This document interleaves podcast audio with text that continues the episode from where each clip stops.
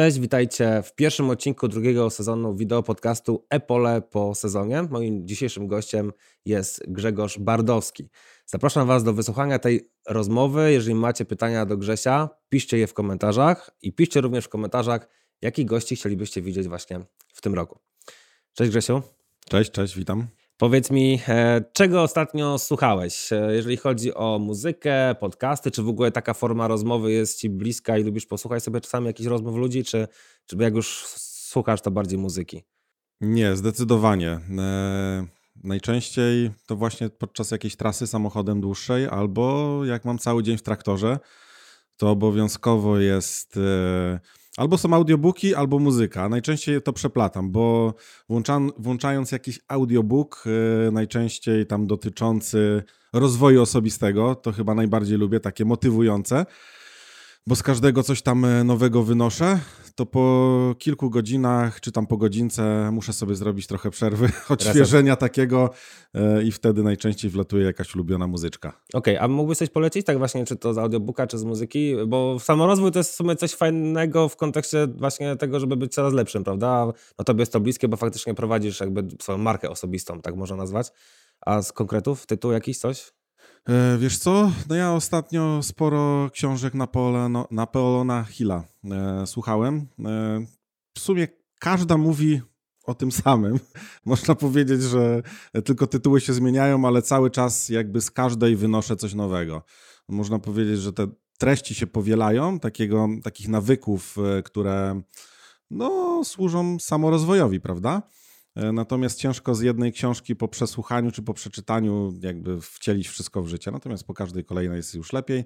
A z muzyki, no to wiadomo, to jest chyba kwestia indywidualna. Ja lubię taki, można powiedzieć, soft rock. Eee, grunge, niektórzy mówią.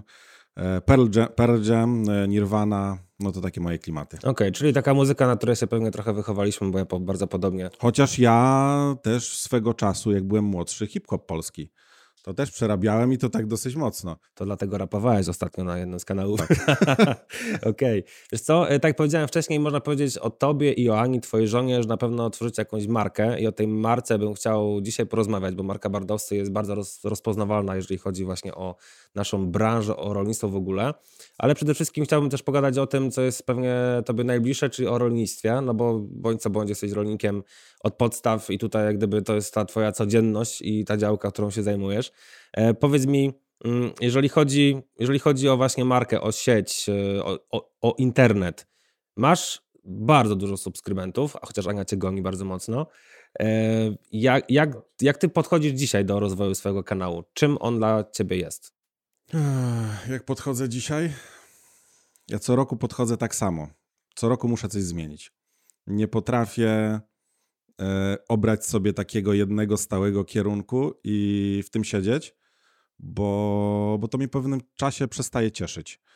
E, na początku wiadomo, roz, rozwój kanałów, no, to są fajne takie emocje, prawda? E, mamy wyświetlenia, mamy lajki, mamy komentarze.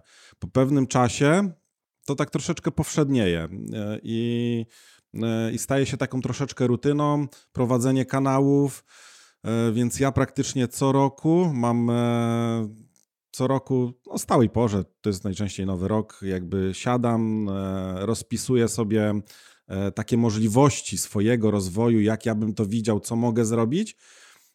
I, i zmiany wprowadzam po prostu jednym słowem, czyli, czyli patrząc na swój kanał, to na początku była taka wersja, gdzie nagrywaliśmy razem z Anią. E, później były takie filmy dosyć krótkie, raz, że były krótkie, a dwa takie bardzo ułożone, pod, można powiedzieć, że nawet pod scenariusz. E, obecnie są to vlogi, czyli takie z życia codziennego, to co się u mnie e, toczy w gospodarstwie. A na ten sezon też mam już jakiś plan to takie, takie są trochę rewolucje. Bo tak A to przewrac... zdradzisz, czy na razie to tak wiesz? Chyba nie. Chyba nie, no okej. Okay. To jeszcze trochę jest trochę do początku prze, Przewracają ten kanał do góry nogami i część osób zdaje sobie z tego sprawę, że część, część osób powie, że one nie po to tutaj przyszły i nie po to tutaj są, e, bo nie tego mm, oczekują. Natomiast dla mnie to jest mus, żeby, żeby coś zmienić, bo, bo chyba bym zwariował, jakbym miał przez tyle lat e, robić, to miałbym samo. robić to samo. E, tym bardziej, że faktycznie no, kiedyś to tak e, bardzo mocno utożsamiałem ciebie też z tym, że doradzałeś, nie? Gdyby miałeś ten kanał trochę tak. w takim stylu, jak teraz ma czy to Mateusz, czy, czy, czy też e, Michał Nieprofesjonalny, czyli dzielenie się swoją wiedzą, ale mm, to jest oczywiście potrzebne, bo i Mateusz robi fajną robotę i inni koledzy również, e, ale ta forma rozrywkowa pewnie ona pozwala po prostu ściągnąć więcej ludzi, bo to, co myślę dzisiaj jest też ważne w twoim przypadku, to ty jesteś trochę takim, takim łącznikiem między ludźmi, e, którzy mieszkają na wsi i między ludźmi, którzy, którzy mieszkają w miastach, miasteczkach i próbujesz pokazywać to życie. Tak jest, tak jest. Y, no tak, takie początki były, bardziej takie edukacyjne i, i, forma była całkiem inna, żeby jak najwięcej tych informacji przekazać. Natomiast patrząc na odbiór, on jest dużo mniejszy niż forma rozrywkowa, to, to trzeba powiedzieć e, jasno i podejrzewam, że będzie jeszcze mniejszy, bo no mówmy się, jakby ilość tych rolników w Polsce spada, zwiększają się gospodarstwa, e, więc no te odbiory będą dużo mniejsze. Oczywiście ta wiedza jest potrzebna, ja jestem na takim etapie, że raz pokazuję po części taką formę też rozryw, no, rozrywkową. Ciężko to nazwać rozrywkową, bo to są rzeczy, które dzieją się w moim gospodarstwie. Może przeze mnie są tak niektóre pokazane bardziej. W formie rozrywkowej. Tak. E, mhm.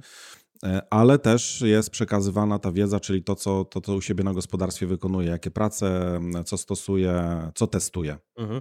A czy wiesz co, też tak myślę, że w kontekście tego miasta i wsi ta polaryzacja, ona cały czas jest duża. W tym sensie takim, że bardzo często jesteśmy napuszczani na siebie w cudzysłowie, tak, że tak. faktycznie ludzie, no ludzie, okej, okay, zamiast grać do jednej bramki, to jednak mimo wszystko gdzieś tam e, się dzielą na, na tych ludzi bliżej którzy mają jak gdyby miasto w sercu, czy też wieś, ale wszyscy, myślę, że ta świadomość jest ważna, nie? Bo, bo, bo, bo to później łatwo jest wykorzystać, czy na niwie politycznej, czy na jakiejkolwiek innej, tak? Te wszystkie podziały, które, które występują. Um, a ty pokazujesz, że gdyby przede wszystkim sorry za stwierdzenie, ale że um, rolnictwo to nie jest jak gdyby tylko praca w glebie przez rolnika, który, który ma kalosze na nogach, tak? tak. któremu wychodzi słoma z tych kaloszy czy z butów. I to jest fajne, bo faktycznie żyjemy w takim świecie, gdzie jeszcze 10-20 lat temu można powiedzieć, że taki był kontrowersyjny, ale jednak podział, nie? Tak, tak, tak. No teraz tak to wygląda i e, ja to staram się pokazywać nawet w dzisiejszym odcinku, który też e, nagrywam, prawda? Jakby mam część z poprzedniego dnia, dnia zrobioną taką typową z gospodarstwa, jakąś swoją pracę, natomiast druga część to jest taka wyjazdowa, gdzie E, gdzie przyjechałem tutaj, gdzie e, jadę dalej do Warszawy na jakieś tam spotkanie, na, e, na galę.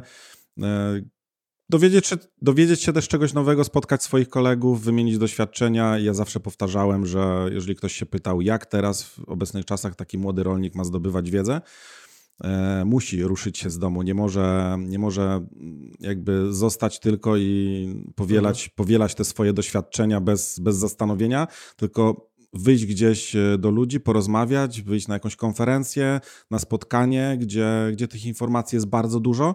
E, ja też bardzo często z takich spotkań sporo wynosiłem. Takie można powiedzieć, czasami rewolucje w gospodarstwie można zrobić z, mhm. z jednego takiego wyjazdu.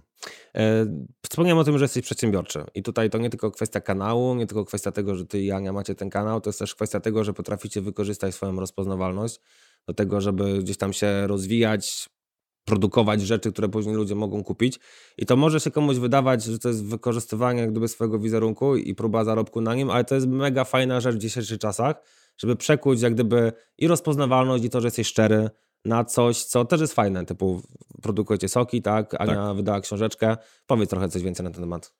Eee, wiesz co, też się nad tym zastanawiałem, jak to traktować. Czy to jest jakieś wykorzystywanie kogoś, ale z jednej strony no, też nikogo nie zmuszamy, prawda, do, e, do jakichś e, zakupów i do, e, i do spędzania czasu na naszych mediach społecznościowych, gdzie o tym mówimy.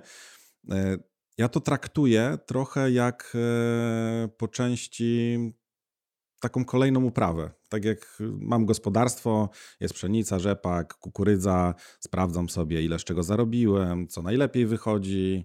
E, tak trochę takie dodatki traktuję jako coś nowego, e, na czym też można zarobić oczywiście, bo umówmy się, no kto takie rzeczy robi charytatywnie, jeżeli ktoś otwiera sklep, nie wiem, spożywczy, no to nie po to, żeby żeby, udostępniać produkty żeby ludziom. udostępniać produkty ludziom, tylko, tylko żeby to sprzedać, żeby na tym zarobić. Tak jest w tym przypadku. Ja trochę myślę, że wyniosłem sporo od mojego taty takich doświadczeń, bo, bo tak się nasze gospodarstwo zaczynało, że to było pole, ale to była też jego bardzo ciężka praca, gdzie wyjeżdżał do, do pracy też w polu de facto do Niemiec i praktycznie każde pieniążki, które tu przywoził, raz przeznaczane były na rozwój gospodarstwa, a dwa na rozwój takich działalności trochę, no może około rolniczych, albo nawet nie około rolniczych, ale, ale rozwijał transport ciężarowy, e, ładowanie buraków cukrowych, czyli jakieś usługi.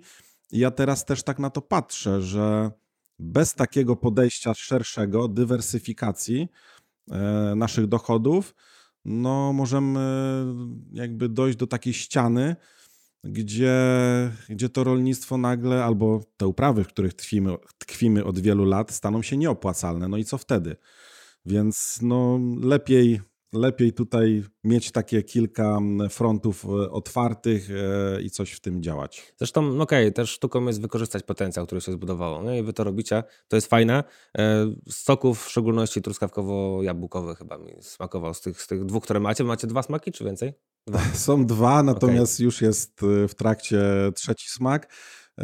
Ja tak bardzo się na tym skupiałem. Kurczę, fajnie jakby to było takie typowo z mojego gospodarstwa, bo te buraki faktycznie są ode mnie e, czerwone. Jabłek nie mam, więc, więc tutaj są dokładane. Truskawki są od kolegi Adriana. Natomiast kolejna wersja, tak myślałem, kurczę, coś takiego jakby od siebie, albo coś takiego polskiego. Myślałem na przykład o agreście. A później tak rozmawiam z Adrianem i też takie, to są też może czysto biznesowe sprawy, bo mógłby podchodzić, no fajnie, dobra, robimy agrest i myślę, że ten agrest też się pojawi w końcu. E, natomiast tak czysto biznesowo, tak jak z nim rozmawiam, bo on też soki sprzedaje, e, mówi, no słuchaj, no, no banan najczęściej, to z tego co, co się sprzedaje to banan.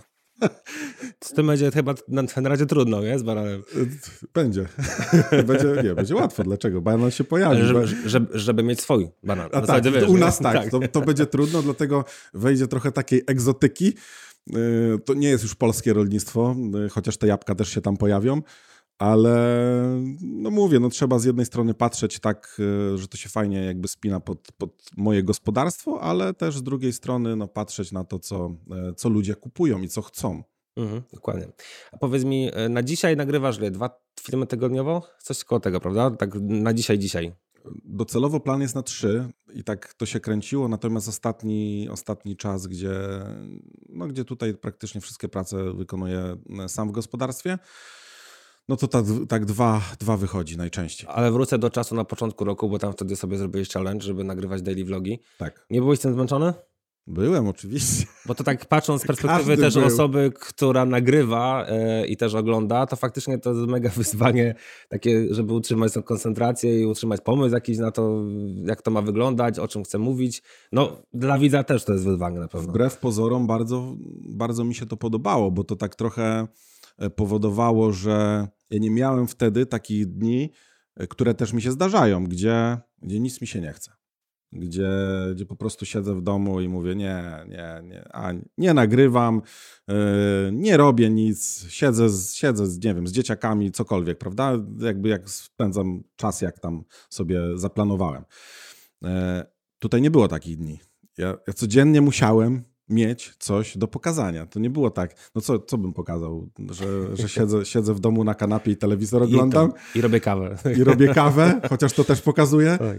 I w takich wypadkach tam jest wszystko, wszystko było pokazywane i, i to było wyzwanie, ale też no, było ciężkie dla wszystkich, i dla, i dla mojej rodziny, i dla mnie, bo... A, a z czego ten pomysł się wziął? Z czego? Mhm. Z tego, że, że już byłem trochę znudzony dotychczasową konwencją, konwencją okay. i chciałem, chciałem zobaczyć w ogóle, e, jaka jest szansa, żeby to robić na dłużej, ale jest marna szansa, żeby to robić na dłużej, bo no bo to jest tak dzień jest oporowy. Od, od rana do nocy praca, rodzina, wyjazdy, e, nagrania, montaże. No i po miesiącu no, już stwierdziłem, że To się chyba już wtedy zbiegło też z wojną na Ukrainie, prawda? Z tego co kojarzę. I to tak. też jak gdyby nasza psychika chyba ogólnie była wtedy to był, to był To był taki moment, gdzie, gdzie też się zastanawiałem, kurczę, o czym tu mówić? O, takich, o takim, takiej codzienności swojej, tak jak, na, tak jak to robiłem, o tym, co, co jest na gospodarstwie. E, no i, i faktycznie ciężko było o czymś innym mówić niż, e, niż, niż o wojnie na Ukrainie. I to tak trochę, trochę faktycznie przygasło przez to. Ostatnie pytanie, zanim przejdziemy do rolnictwa już takiego stricte. Powiedz mi, co myślisz o rolniczym YouTubie w Polsce? Jak tak patrzysz na dokonania kolegów, tak, i inne kanały, które są, pewnie też porównujesz je trochę do innych gdzieś tam branż, tego co Ciebie interesuje najbardziej. Jak Ty to oceniasz? Jest pole do popisu? E, oczywiście jest pole do popisu i to ja twierdzę, że nic nie trwa wiecznie, prawda? Także tutaj przy takim YouTubie nie można przysiąść na, na laurach, powiedzieć, o kurczę, mam już, jakąś, mam, mam już tam jakąś swoją pozycję ugruntowaną e, i, i będę tu zawsze, tylko to się cały czas dynamicznie zmienia. Wchodzą nowe kanały i, i to tak będzie pewnie wyglądać, że E, że będą się pojawiać nowe, które będą wypierać te, te stare. Chociaż, no mówię, żeby, żeby tutaj jakby z tego rolniczego YouTube'a gdzieś się e, usunąć, to naprawdę trzeba by było przestać chyba nagrywać. Natomiast, e, no nie ukrywam, że trzeba też myśleć nad tym, co zrobić lepiej i, i trochę czasu na to poświęcić. Nie tak bez zastanowienia robić to, co się robiło, tylko żeby faktycznie E, to chodziło fajnie, żeby ta oglądalność była, żeby przyciągać widzów, no to trzeba, trzeba troszeczkę czasu na to poświęcić. A jakość? Bo tak jak gdyby obserwując kanały naszych kolegów również, to twój kanał wyróżnia się tym, że faktycznie jak gdyby to od samego początku przyłożyłeś dużą wagę do tego, w jaki sposób ta treść jest tam pokazywana.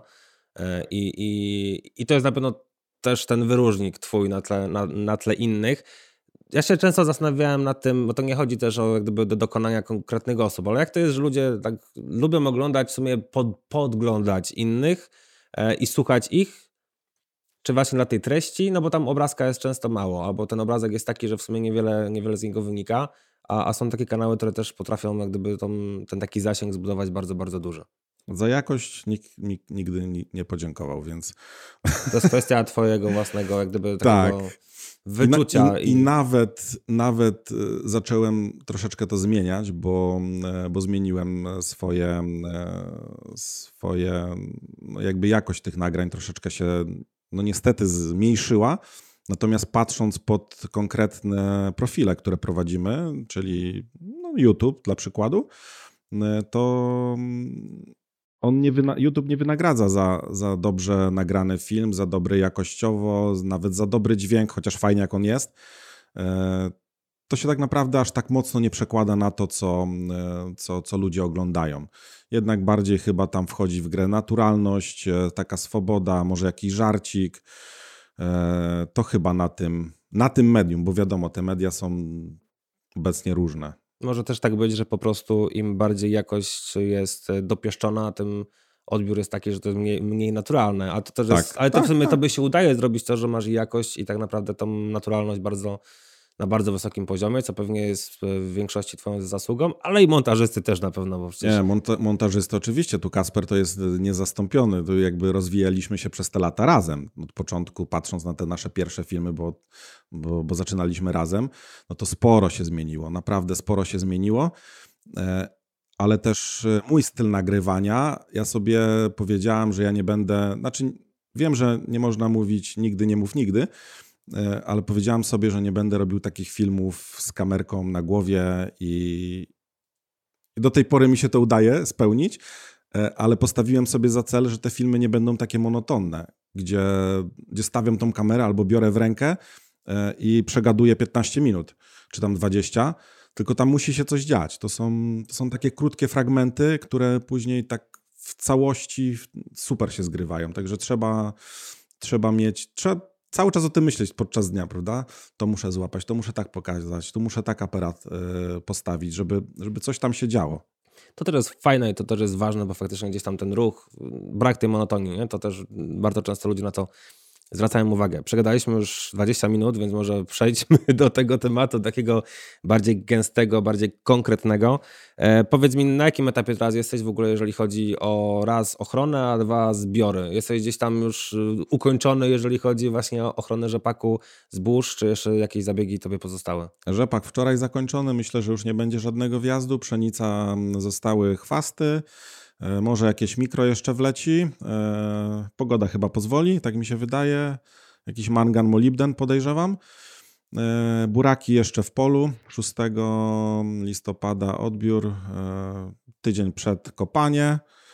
E, kukurydza jeszcze w polu, czekam, jakby pogoda na tyle pozwala, że jeszcze czekam, aż ona sobie troszeczkę dosycha. Okej, okay, my akurat nagrywamy ten podcast w październiku, będzie publikowany w połowie listopada, więc pewnie już będziesz w większości po tym wszystkim, ale faktycznie pogoda na razie, mówiąc szczerze, jeżeli, jeżeli chodzi o październik, to raczej sprzyja temu, żeby i robić wszystko to, co trzeba zrobić na polu i też zbierać. Nie? Uratowała rzepaki w naszej okolicy, bo pogoda niestety nie pozwoliła na terminowe siewy, a patrząc na nasz rejon, gdzie ten termin jest dosyć późny e, i każdy dzień opóźnienia od tego optymalnego terminu, każdy dzień, dwa, trzy, to jest taka mega różnica w, wizualnie w tych rzepakach e, z reguły, bo patrząc na tą pogodę teraz, to one się fajnie wyrównały. Natomiast jeżeli nie byłoby tak wesoło, to to był, była odskocznia i nie do odratowania.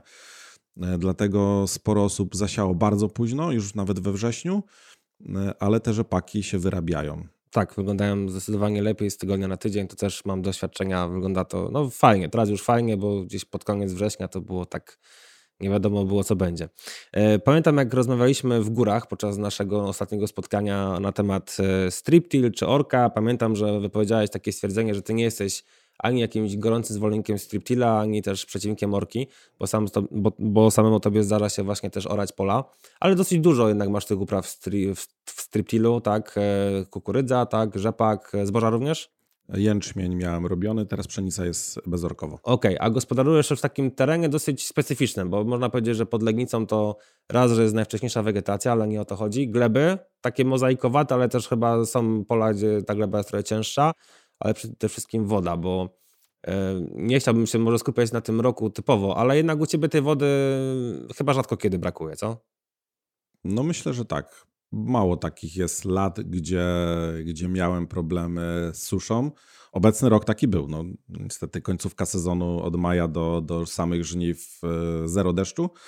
E, no i niestety to, to spowodowało, że te plony są dużo mniejsze w tym sezonie.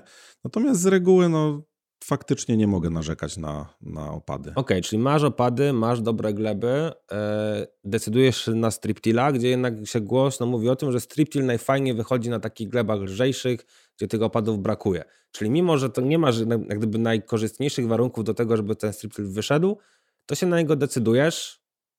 Znaczy decydowa- w tym roku się decydowałem podczas siewów ze względu na pogodę, bo patrząc na prognozy, które oczywiście później się zmieniły, bo przy samych siewach to, to tej wody nie było nic. Było tak sucho, że każdy się zastanawiał orać czy nie orać. Wjeżdżali w pole e, i zjeżdżali, bo, bo było za sucho i stwierdzi, wiele osób stwierdziło, że, że czekamy, nie, nie, nie będziemy tego na siłę robić. Więc na tamten moment taka decyzja była według mnie słuszna i ten striptil, wiadomo, w lata suche, e, no myślę, że tam nie ma nic lepszego. Ale no to już też nie ode mnie zależało, że ta pogoda się tak dynamicznie zmieniła i później te opady, no było ich tyle, że ciężko było znowu w drugą stronę wjechać w pole, bo było za mokro. Czyli to raczej taka spontaniczna decyzja niż plan, tak? Gdzieś to jest tam... na bieżąco, tak. Okay. To jest na bieżąco, patrząc pod y, pogodę, pod sezon, e, pod uprawy. Tak jak mówię, ja nie jestem jakimś zwolennikiem e, tylko jednej, tylko jednego kierunku bo, bo każdy sezon jest inny i każda ta uprawa ma swoje wady i zalety. A jeżeli chodzi o takie, naj, może nie największe wady, ale największe tru, trudności w, w striptilu, które zauważasz u siebie, ślimaki czy inny element? Myszy? Wiesz co, myszy, tak, pojawiają się, jest ich zdecydowanie, zdecydowanie więcej, nawet miałem taki test zrobiony, e, natomiast wtedy, kiedy było to nasilenie myszy, e, cała Polska miała ten sam problem nawet w uprawach orkowych i to bym, gdzie bym nie zapytał, to, to był taki sezon, że były te myszy. E, w tym sezonie na przykład myszy w ogóle nie ma. Więc to to był taki sezon, w tym roku nie ma w ogóle myszy, ale mam znowu dużo ślimaków. Nawet bardzo dużo. I teraz pytania się pojawia. Co lepiej robić? Raz wjechać i rozrzucić sobie te granule e, na pole, czy może tam przesuszać tą glebę i jeździć i uprawiać i, i, kombinować, więc no, trzeba sobie takie pytanie zadać pewnie. No tak, to zależy od pogody, nie? bo gdyby nie było tak wilgotno jednak po siebie, to tych ślimaków też by nie było. Może gdyby były mysze, kto wie. Tak. więc ani tak dobrze, ani tak dobrze. E, powiedz mi, wiem, że ty sobie liczysz bardzo mocno dochodowość swoich upraw, bo to też na kanale pokazujesz. Jeszcze nie mamy skończonego roku, więc pewnie ciężko tobie na dzisiaj powiedzieć, która uprawa jest the best one, ale jakbyś tak miał na podstawie tego, co już wiesz i na podstawie tego, co przypuszczasz, e, która z tych e, roślin, które masz na swoim polu, jest tą, która faktycznie w tym roku biznesowo wyszła najlepiej?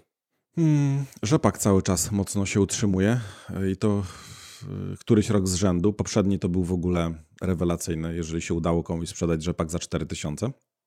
To już w ogóle super wychodziło. W tym roku już koło trójki się kręci, więc troszeczkę to spadło nie mam takiego faworyta, gdzie bym mógł powiedzieć, że, że to jest najlepsza uprawa, bo ja mam też podzielony praktycznie każde pole osobno i tak patrzę sobie na te na to, ile z każdego kawałka zarobiłem, to jest taki rozrzut, tam dosłownie, wiesz, pół tony, tona, no zrobi różnicę i umówmy się, e, to będzie, będzie taki rozstrzał. E, w tym sezonie, tak patrząc, ja można powiedzieć, że tylko jęczmień browarny sprzedałem e, w całości. E, I o dziwo on bardzo dobrze wyszedł. Tam poszło mało azotu, bo w czystym składniku bodajże 50 kg i on jest na poziomie dochodowości pszenicy. Więc, więc jestem z jęczmienia w tym sezonie bardzo zadowolony ale chyba jednak rzepak gdzieś tam będzie się utrzymywał. Buraki wyszły troszeczkę na prostą poprzedni sezon. To... Chciałem zapytać właśnie, bo buraki miały naprawdę dołek. Tak patrząc na, na gdyby takie oczekiwania ludzi, czy nawet ocenę sytuacji, nie wiem, styczeń, luty, marzec, to miałem wrażenie, że każdy, kto ma buraki, to będzie z nich zjeżdżał. Ja patrzyłem na tą branżę całą mm, cukrowniczą i sobie myślałem, kurczę, no jak tak pójdzie dalej, no to te cukrownie się po prostu pozamykają, bo bo, bo nikt nie będzie chciał tych buraków uprawiać. No nie wiem, już tacy zagorzali zwolennicy, yy, a są tacy, którzy nie odpuszczą. Yy, ja jeszcze też nie miałem przerwy z burakami w swojej karierze, więc yy, też twardo. I, ale wiadomo, sezon to jest, to jest jeden sezon. Nie można takiej decyzji podejmować pochopnie. To, to się wszystko tak teraz dynamicznie zmienia i buraki wyszły faktycznie na prostą. Można powiedzieć, tak jak teraz patrzyłem, że ta dochodowość jest na poziomie pszenicy chyba. Około, zostaje tak na czysto około 4-5 tysięcy, tysięcy przy plonie jakieś 70 ton z hektara. No, koszty duże są, naprawdę koszty patrzyłem, to, to tam jest 11 tysięcy? Mhm. No może być. Jest grubo. Może być. Może być. Tym bardziej, że faktycznie i, i poszły nawozy do góry, i poszły środki do tak. góry. I nasiona też nie są tanie, prawda? Tak, Więc jak tak, tak. usługi zbioru, siewu, no to wszystko gdzieś tam robi robotę plus ilość wjazdów, bo faktycznie no, burak jest pod tym kątem myślę, że prawie, że porównywalny do rzepaku, gdybyśmy sobie policzyli ilość wjazdów opryskiwaczem, nie? no bo to zabiegów herbicydowych tam 4-5, plus chwościk, pewnie też 2, plus może jakieś Chwościk, 2-3, mikroelementy. No, dokładnie. To tam dycha się uzbiera lekko, tak naprawdę, nie? Więc, więc faktycznie nie jest prosto, nie jest łatwo. Ale masz jakąś taką roślinę czy uprawę, której nie masz na dzisiaj, ale się zastanawiasz, że tak cię kusi. No bo mówi się o słoneczniku ogólnie, jest taką uprawą bardzo popularną ostatnie dwa lata. U was na Dolnym Śląsku mówi się o soi bardzo często. Mm, masz, masz jakiś taki właśnie łakomy koncept, który chciałbyś spróbować, zobaczyć, porównać do swoich upraw? Ja nawet tak sobie gdzieś patrzyłem w płodozmianie. Znaczy myślę, że i tak nas to czeka ze względu na zmieniające się przepisy e, unijne, gdzie żeby dostać jakąś tam kwotę dopłat, będzie trzeba wprowadzać te rośliny albo odchodzić od, jedn, od innych. E, szczerze mówiąc, nie robiłem jeszcze sobie takich e, bardzo szczegółowych obliczeń na ten moment natomiast nic mi tam za bardzo nie pasuje w tych moich pięciu roślinach. Mam już ten podozmian tak fajnie ułożony, że on mi się bardzo dobrze spina. To znaczy nie mam e, taki, takiego nawału prac e, przez to, ale też zbierając kukurydzę, ja nie patrzę, nie, nie, nie, nie śpieszy mi się, że muszę pszenicą po niej zasiać, bo mam na przykład jęczmień jary. E, zbierając e, buraki. Po burakach mam kukurydzę, więc też mam spokój, czy to będzie późny zbiór, e, czy, czy wczesny. Także Znaczy faktycznie masz bogate podozmian, od, od, od, tego trzeba zacząć, nie? Że, tak. że jednak to też gdyby pewnie utrudnia gdyby w ogóle dojście do tego, czy może jednak jakąś inną uprawę sobie jeszcze wrzucić, no bo faktycznie, no kurczę, masz tych upraw sporo. Soja się pojawia od wielu lat u nas w, w okolicy i no i tak ciężko jej się chyba przebijać. Nie wiem, czy to, czy to, czy to będzie jakiś kierunek taki mocny, bo, bo ten szał na soję zaczął się już kilka dobrych lat temu i pamiętam, było takie mhm. bardzo mocne promowanie tego. E, ten pierwszy rok promowania to niestety skończył się bardzo źle, bo były bardzo niskie plony i to trochę tak wielu ludzi zniechęciło. E, ale jakiegoś takiego przebicia dużego nie widzę i myślę, że to jest ze względu na nieprzewidywalność e, tych, tych zbiorów. Że ta soja, jak się uda, to jest fajnie, to się uda, ale bardzo często jednak są takie dołki. A słonecznik? Nie wiem, ja... Nie chcę, ja... żeby później ludzie przechodzili i ci koszyczki Wiesz, no, Słonecznik jakby wszedł y, u nas z takiego powodu, jakby zaczęła się wojna na Ukrainie i jakby Ukraina jest bardzo dużym producentem słonecznika i każdy myślał sobie, no to będzie dobry strzał, bo, no, no bo sporo tego słonecznika może z Ukrainy nie wyjechać na przykład, y, będzie duże zapotrzebowanie, nie wiem, ja tak. Po części tak. Ja myślę, że po części też kwestia azotu, gdzie jednak też szeroko też. poszła informacja, że mhm. słonecznik nie potrzebuje, czy nawet nie powinien dostać zbyt dużo azotu. To na takich słabych polach gdzieś tam mógł być fajną alternatywą nie? dla innych upraw. Ja nie mam też kombajnu takiego, nie mam przystawki. No nie wiem, jestem, okay. jestem zadowolony, że jęczmień browarny mi też mało azotu zabiera, więc... Pytam z ciekawości, bo faktycznie gdzieś tam no, takie zainteresowanie było duże. Ten rok pewnie też trochę może nie, że zrewiduję, bo te plony były różne i, i takie po 4 tony, czy nawet powyżej 4 ton, ale były też takie, gdzie by tam ledwo były 2 tony, nie? więc e, na pewno niektórzy będą rewidować plany. Mm, ale może o tym jęczmieniu browarnym chwilę porozmawiajmy, bo to, to jest też taka oprawa bardzo ważna dla ciebie. Mi też się podobał jeden film, w którym trochę pokazałeś drogę jęczmienia browarnego swojego gospodarstwa do pewnej do pewnego miejsca, gdzie ten jęczmień został wy wykorzystany. No, do browaru. Do browaru, dokładnie. Konkretnego browaru, który też prywatnie lubię, bo lubię piwa stamtąd. Powiedz mi, e, poza, poza tym, że niska dawka azotu, jakie jeszcze wymogi taki jęczmień musi spełnić, żeby do dobrego browaru się dostać? Wiesz co, żeby zrobić dobry plon jęczmienia browarnego, no, ten niski azot to jest podstawa ale żeby zrobić plon, musimy mieć e, określoną długość wegetacji, więc e, wczesny siew to jest podstawa. Ja wiem, że nie wszystkie rejony w Polsce no, jakby się do tego nadają, prawda? Akurat Dolny Śląsk jest taki specyficzny, że siewy jęczmienia zaczynamy już na przykład na początku lutego. E, I on wbrew pozorom nie jest wcale taki bardzo wrażliwy na przymrozki, że nam od razu zetnie każdy, każdy, każdy tam minus. I, I to jest jakby to jest podstawa, żeby zrobić dobry plon. Natomiast to jest bardzo fajna uprawa, jeżeli mamy mało czasu, bo tam jest mało wjazdów. Jeżeli sobie damy odpowiednią zaprawę, odchodzi nam praktycznie pierwszy zabieg. Dwa, gwiazdy, dwa wjazdy? No, chwasty. Słuchaj, chwasty, chwasty e, jest te dwójeczka, ewentualnie te trójeczka, tak jak u mnie ona musi wjeżdżać, bo jest po kukurydzy, jest bardzo duża presja fuzariozy. E, jakieś mikro, i, okay. i nic Czyli więcej. w czterech zabiegach. A, czas, a czasami ktoś tę truje, te trójeczkę odpuszcza, czyli raz chwasty, e, raz fungicyd, no jakieś mikro trzeba dać, prawda? I, i to na tym się najczęściej zamyka. I jeden wjazd z, z azotem. Więc no, jak on się udaje, to i cena teraz jakby browaru też jest fajna. Paszowy, paszowy troszeczkę gorzej wychodzi. Oczywiście paszowy możemy tam podciągnąć azotem e, ten plon. Tutaj nie możemy, dlatego tak ważny jest przy browarze wczesny siew. A jaką odmianę siejesz? Masz jakąś jedną już taką wytypowaną? Czy yy, trochę tak różne? się bujałem, można powiedzieć, między dwoma co, co roku. Pojawiała się Irina i Planet.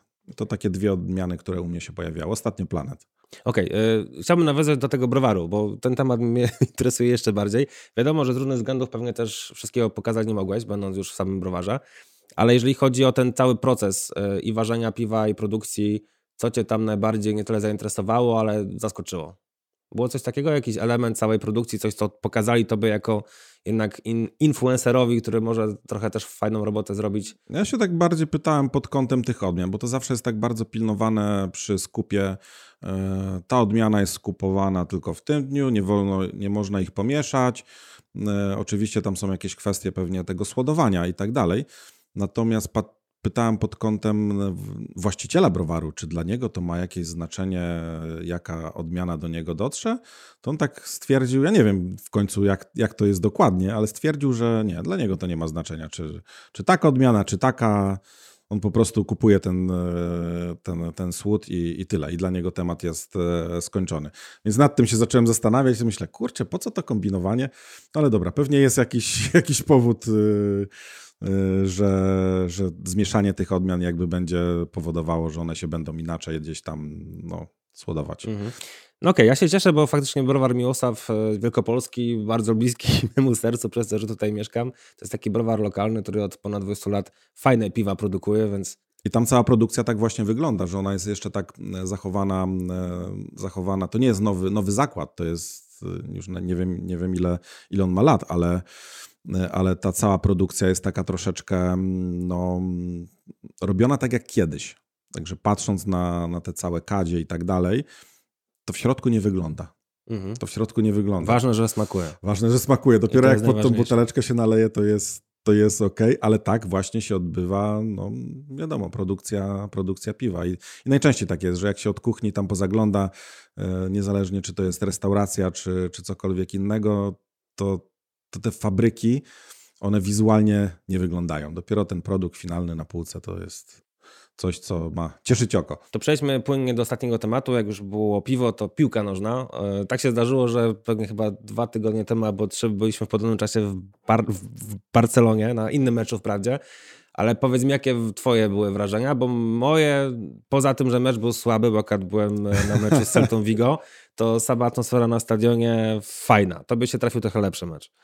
Tak, e, było sporo bramek, sporo emocji, e, atmosfera bardzo fajna. No w Polsce się tego nie zobaczy, takie ilości osób, które żyją tą piłką. E, u nas są takie bardziej chyba małe grupki, tak mi się wydaje.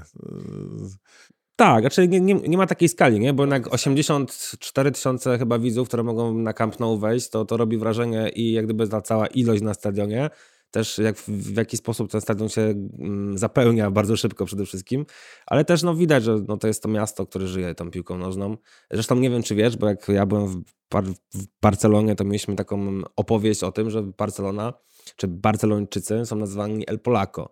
I oni w ogóle mają teraz taki bardzo mocno, bardzo mocne, jak gdyby mm, pozytywne emocje związane z tym, że gra u nich Polak bo sobie sami tworzyli kiedyś jakieś takie właśnie przeróbki nazwisk, byle tylko końcówka ski była gdzieś tam tak? właśnie w nazwisku. E, jest to związane no, z tym, że oni gdzieś tam się bardzo mocno, mm, nie że jak wiesz, od Hiszpanii odgradzają, a jednak no, ten kataloński e, i kataloński język i katalońska kultura jest gdzieś tam mocno taka wyodrębniona z hiszpańskiej i, i, i właśnie podobno byli w bardzo dużym takim szczęściu, byli bardzo zadowoleni, że Lewandowski, czyli Polak, największy piłkarz, jeżeli chodzi o, o Polaka, grał u nich, więc mnie to me mega zaskoczyło, ale przecież jak Lewandowski biegał na rozgrzewkę, powiedz mi, czy u Ciebie było tak samo, to ta wrzawa, ona nie mogła wynikać z tego, że na te 80 tysięcy ludzi może z 5 było z Polski. To też wynikało z tego, że ci Hiszpanie tam też mają naprawdę...